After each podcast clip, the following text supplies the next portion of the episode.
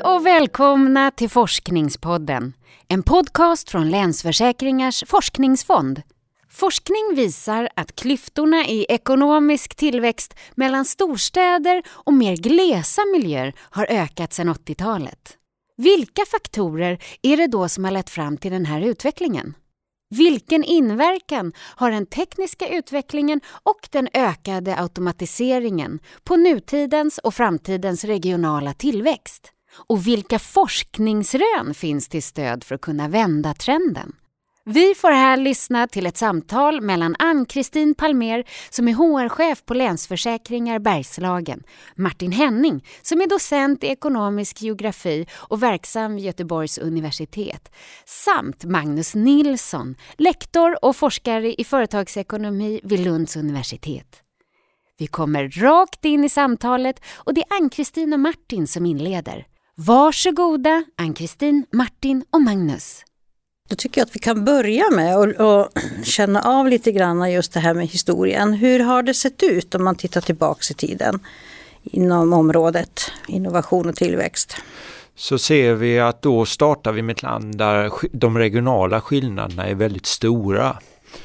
Sen kan man säga att från den tiden och under 1900-talet i allt väsentligt och speciellt under efterkrigstiden någon gång fram till slutet av 70-talet så såg vi en lång period av det som kallas för konvergens. Alltså att regionerna i produktivitetshänseende, alltså hur effektiv man är egentligen, blev mer lika varandra.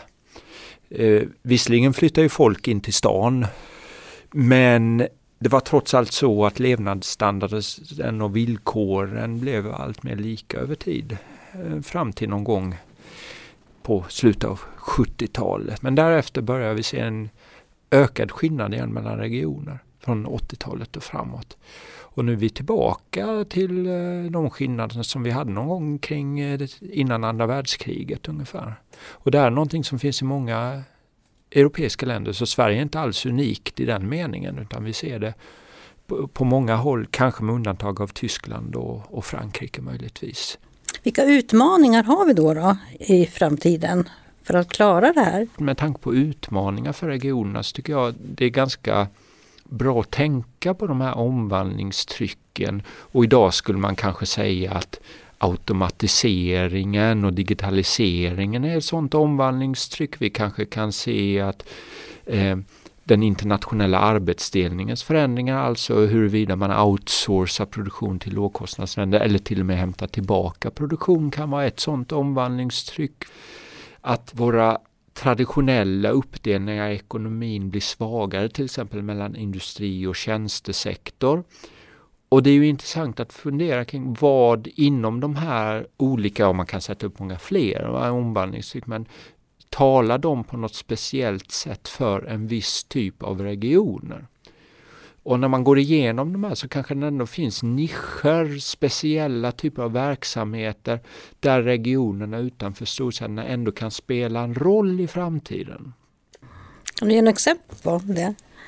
En del forskning som jag själv har varit involverad i att göra som handlar just om kunskapsintensiva företag. Om man tittar på deras tillväxttakt i starka, täta storstadsmiljöer med kunskapsintensiv verksamhet så ser vi inga direkta skillnader mellan eh, kunskapsintensiva företags tillväxt i, i eh, täta och glesa miljöer, alltså i storstad och landsbygd. Och det är ju intressant. Det kan koppla tillbaka till bland annat teknikutveckling, förmågan för den här typen, speciella typen av företag att länka upp sig med samarbetspartner som ligger i andra delar av landet eller i andra delar av världen. Och på så sätt få del av den kunskap och information man behöver utan att den finns lokalt närvarande. Det kan ju vara en möjlighet på de regionala nivåerna utanför storstäderna att skapa tillväxt. Har det blivit så? Jag tycker vi har pratat ganska länge om det här med teknologin och vi har haft möjligheter. Har vi utnyttjat det fullt ut än? Det är svårt att säga. Jag tror att teknikutvecklingen är ju så snabb så att den är, man kan svårligen säga att det är fullt utnyttjat. Utan det finns nog en stor potential. Och eh, det är ju så att vi är olika generationer eh, och yngre generationer idag växer upp med en annan bekvämlighet att verka över sociala medier, över distans, använda teknologi i vardagen som eh, lite tidigare generationer inte är så bekväma med ännu. Så att jag tror att nya generationer kommer ha med sig den här bekvämligheten att interagera eh, över internet, över avstånd och använda teknologi som en naturlig del i sin vardag. Det finns en intressant paradox i, i den geografiska utvecklingen under senare år därför att egentligen under under den tiden, låt oss säga 20, 30, 40 år tillbaka. Alltså ju större möjligheter vi har fått att kommunicera på distans med snabba flöden på alla möjliga sektorer, desto mer koncentrerat har egentligen ekonomiska eh, eh, verksamheter blivit under den perioden. Eh, som sagt, vi, vi har sett sedan 80-talet att vi har liksom samlat en allt större del av effektiviteten till vissa, ett fåtal regioner. Så att vi har ju liksom en, en paradox som lite tyder på att de här möjligheterna som vi faktiskt har inte är riktigt utnyttjade. Och det har väl att göra med två saker. Kanske dels det som vi lite slarvigt brukar samla under begreppet livsstilsfaktorer, att det på något sätt eh, staden har och har haft en stor dragningskraft för många. Eh, det kan man ju inte sticka under stol med utan, utan så är det. Ehm, sen så är det ju också så att möten är ju fortfarande en viktig del av vår ekonomi, att man faktiskt träffas. Kan ni se att det finns vissa yrken som passar liksom bättre att vara i de stora städerna än ute i periferin? Om man kopplar det till innovation som handlar om vilken typ av kunskap är det man jobbar med. Eh, och då gör man skillnad på tyst kunskap och explicit kunskap. Eh, explicit kunskap är egentligen det man kan, allt som är möjligt att skriva ner, teckna ner i manualer. Eh, där finns exempel yrken som har att göra med programmering, där det finns företag som man jobbar i olika tidszoner helt enkelt. Så att en grupp i en viss del av världen jobbar på en kod och sen när de avslutar sin arbetsdag så går det vidare till nästa team i en annan del av världen där de börjar sin arbetsdag. Då kan man säga att det är ganska lätt att för någon annan att bara plocka upp och fortsätta. Eh, sen finns det den här tysta kunskapen som är mycket svårare att överföra över avstånd. Men det, har, det, det, är en typ av kunskap som bygger på att man träffas, att man kan visa och kommunicera direkt eh, där det inte går att kodifiera. Och den typen av yrken kan man ju då tänka sig att de är svårare att, att utlokalisera. Där är sam, samlokalisering med andra viktigare.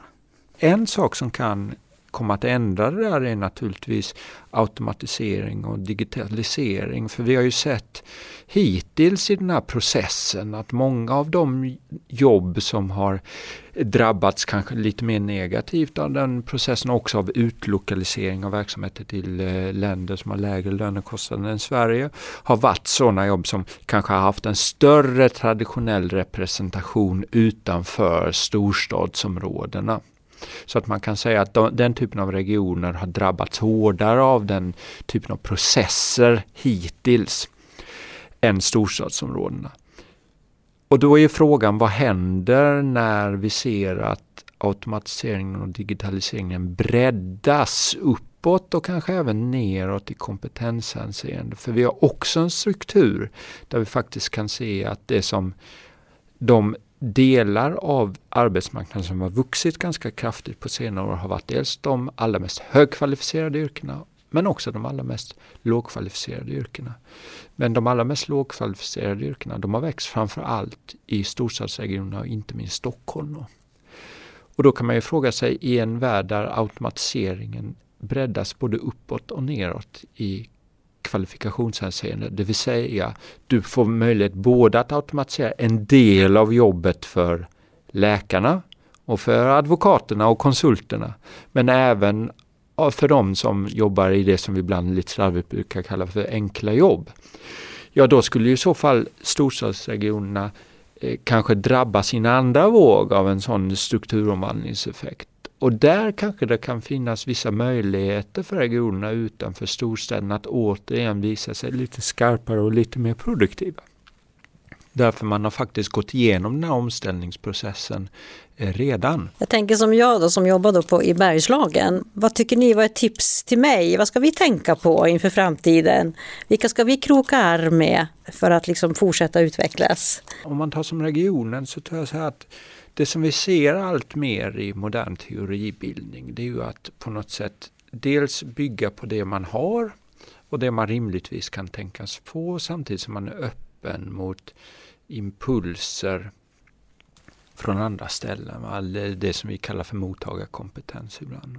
Och sen är det ju så här med ekonomisk utveckling att det, den, den beror ju på hundratusentals, miljontals individuella beslut som tas av entreprenörer och anställda och andra hela tiden. Och det är klart att vi, vi kan aldrig ha fullständig information om en sån, det som vissa har kallat för en experimentell ekonomi och det är liksom det som är en av de stora poängerna. Då.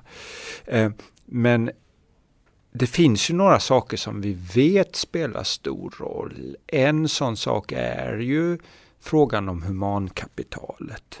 Där pratar vi om utbildningsinsatser givetvis. Vi pratar till exempel om eh, det som en gång i tiden kallades för de här regionala högskolorna som mm. man ser ju att i många fall så har de betydit, betytt väldigt mycket för den regionala omvandlingen och utvecklingen. Sen har vi också en sak som jag tror är något som man glömmer bort lite och det är frågan om vidareutbildning och kompetensutveckling för de som redan är inne i näringslivet. Och där har vi på något sätt frågor som vi måste ta tag i. Vem ska betala för den på samhällsnivå? Hur ser det ut inom företagen? Vi vet att det prioriteras bort inom många företag när man blir allt mer pressad, när man vill effektivisera allt mer. Och är det något vi vet om framtidens arbetskraft så är det att den kommer behöva vara mer välutbildad, kräva högre grad av vidareutbildning än tidigare. Det måste man ta tag i för att det ska kunna ske en omvandling baserat på humankapitalet också i regioner utanför storstäderna. Det tror jag är en väldigt viktig fråga. Mm, alltså humankapitalet som Martin är inne på är ju, är ju centralt eh, av, av, flera skäl. Alltså dels för att eh, det finns det här behovet av eh, högkvalificerad arbetskraft. Eh, inte bara nyutbildade studenter utan även vidareutbildning, fortbildning, kompetensutveckling av befintlig personal. Omställning eh, och förändring i regional ekonomi behövs ju ofta antingen i större steg eller i mindre stegvisa inkrementella förändringar. Och som vi har hört här så kan man ju ofta gå tillbaka och titta på vad är det vi har varit bra på i en region historiskt? Vad är det man är skicklig på att göra? Vad är det vi är specialiserade inom? Eh, och för att kunna utveckla det stegvis så behövs ju en, en dynamisk, välutbildad eh, arbetskraft, eh, humankapital inom en region det är en spännande värld vi lever i och att utvecklingen går fort. Någonstans så måste vi kanske bara lära oss att, vi får lära oss att anpassa oss inför framtiden. Ja, alltså just den här förmågan att hantera nya förutsättningar och hantera förändring är ju egentligen det som kanske utgör grunden för allt det vi pratar om nu. Alltså regional omvandling, regional utveckling. Vissa regioner kanske har en tuff situation idag. Det kan ändras i framtiden men det viktiga är kanske framförallt att vi har en beredskap som ett samhälle att eh, ta till oss ny utveckling och förhålla oss på ett liksom, intelligent sätt till vad händer i en region som möter väldigt eh, svåra förutsättningar för framtida tillväxt till exempel.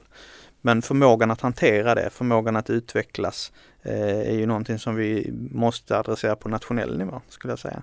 Kommer det att fortsätta förändras så snabbt som det har gjort hittills? Jag tror att den här typen av förändringar sker snabbt i vårt samhälle och kommer fortsätta ske snabbt. Därför att allt det vi har pratat om under det här samtalet i stort sett har ägt rum under min mormors livstid. Hon är 103 år gammal och bor i Malmö. Så allt detta från regional konvergens till divergens, från den andra industriella revolutionens eh, prydnadsregion eller mest framträdande regionen från deras blomstringstid fram idag till nedgången, till tillväxten av de stora städerna. Allt detta har egentligen skett under en långlivad generation. Och det visar väl också på sitt sätt på människans anpassningsbarhet under de här processerna. Att det kommer komma nya saker, vi kommer behöva anpassa oss till dem, vi kommer kunna anpassa oss till dem. Det kommer inte alltid vara lätt, det kommer inte alltid vara roligt, men jag tror att vad gäller de omvandlingstryck som vi ser just nu så tror jag faktiskt att vi i Sverige står ganska bra rustade för att möta dem i framtiden. Jag får tacka er för ett jättebra samtal, Magnus och Martin. Tack så mycket. Tack!